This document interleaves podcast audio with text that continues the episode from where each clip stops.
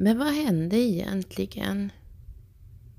Jag sitter här och känner mig förvånad och ändå inte. Jag borde vara väldigt nöjd. Men egentligen så känner jag mig faktiskt nästan skräckslagen. Och det gör jag efter att jag har lyckats beställa en snöslunga till lokstallet som jag ska använda för att eh, hålla efter snön där i vinter och jobba vidare med det här konstprojektet att pinka revir och försöka skapa en plats som respekteras i byn.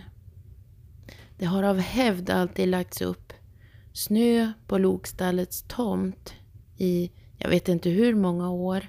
Men i år har jag tänkt försöka hålla efter där. För att visa vad som är på gång och för att jag faktiskt också i bästa fall kommer att kunna erbjuda en del konsthändelser där i vinter och tidigt i vår. Vi får ju se.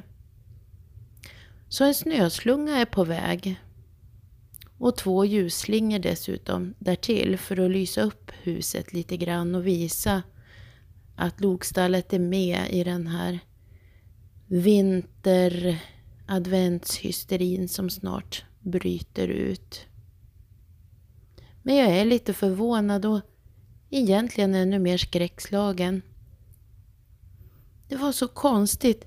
Priset blev på ett sätt bara billigare och billigare från det att jag började söka på vad en snöslunga skulle kosta tills det att jag hade lyckats få loss en rejäl rabatt på 20 procent från den här firman som jag har köpt snöslungan ifrån nu då.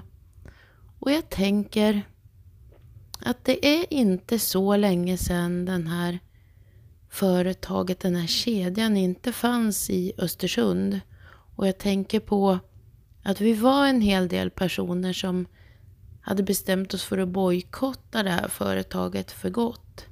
För att det var en av de stora kedjorna som dök upp inne i stan och vi började se att de små vanliga butikerna klappade igen en efter en. Det var i samma veva som det var tal om, ja det var nog de första samtalen om ett stort köpcentrum i det som idag är ett jättestort köpcentrum ute i Lillänge utanför Östersund. Dit man måste ha bil för att ta sig och shoppa. Vi var många som var emot det från början. Nu kan vi köpa allt möjligt på nätet. Så billigt som möjligt. Man kan alltid dela till sig 20% extra rabatt fast man redan har hittat det billigaste billiga.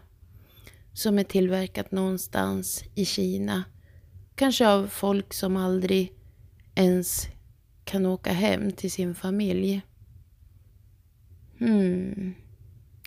Jag känner mig skräckslagen över att en snöslunga är på väg till mig och mitt konstprojekt.